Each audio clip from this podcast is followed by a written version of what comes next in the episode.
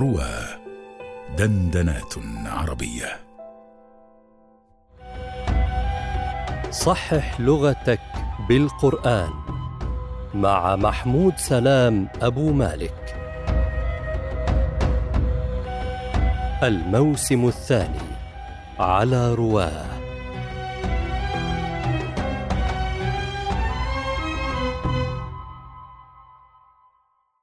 الحلقة السادسة. السلام عليكم ورحمة الله وبركاته. أهلا وسهلا بكم في حلقة جديدة من صحح لغتك بالقرآن.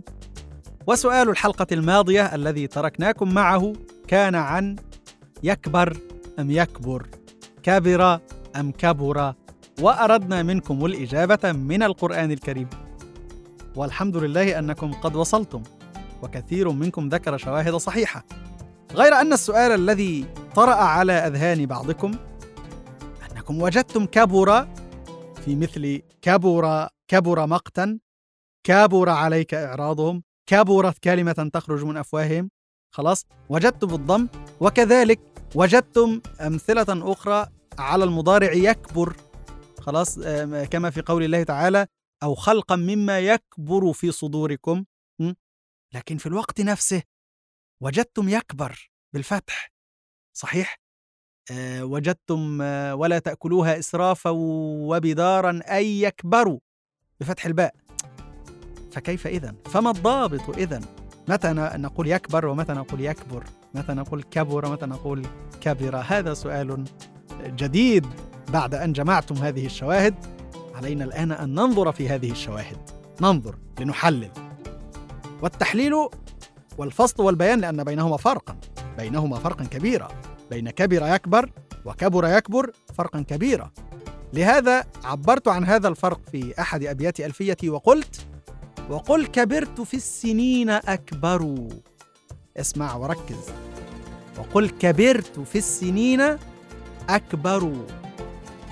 وغير سن قل كبرت أكبر. يا سلام. يعني إذا أردت التعبير عن الكبر في السن سن تحديدا الزيادة في السن تحديدا فقل كبرت أكبر. كبرت كبر في الماضي أكبر. بالفتح في المضارع قانون المخالفة الذي حدثتكم عنه كثيرا كبر يكبر مكسورة في الماضي مفتوحة في في المضارع. من باب ع... من باب إيه؟ من باب علم يعلم. فرح يفرح. كسرة في الماضي فتحة في المضارع. خلاص؟ هذا ولهذا شاهدها ولا تأكلوها إسرافا وبدارا أي يكبروا. يعني يتحدثون عن اليتامى وابتلوا اليتامى حتى إذا بلغوا النكاح. فهذه هذا كبر في السن.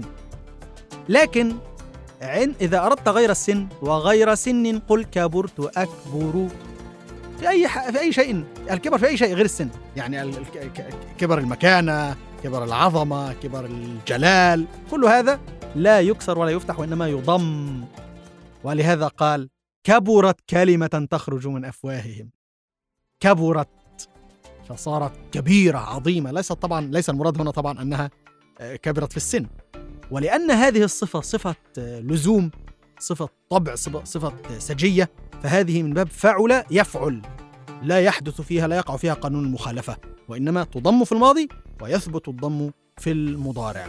أرجو أن يكون الجواب واضحا وأترككم الآن مع سؤال جديد. في الحلقة الجديدة ألا وهو كيف ننطق؟ ذهاب أم ذهاب؟ نفتح الذال أم نكسر الذال؟ نريد الإجابة من القرآن الكريم. في انتظاركم ومحبتي لكم محمود سلام أبو مالك.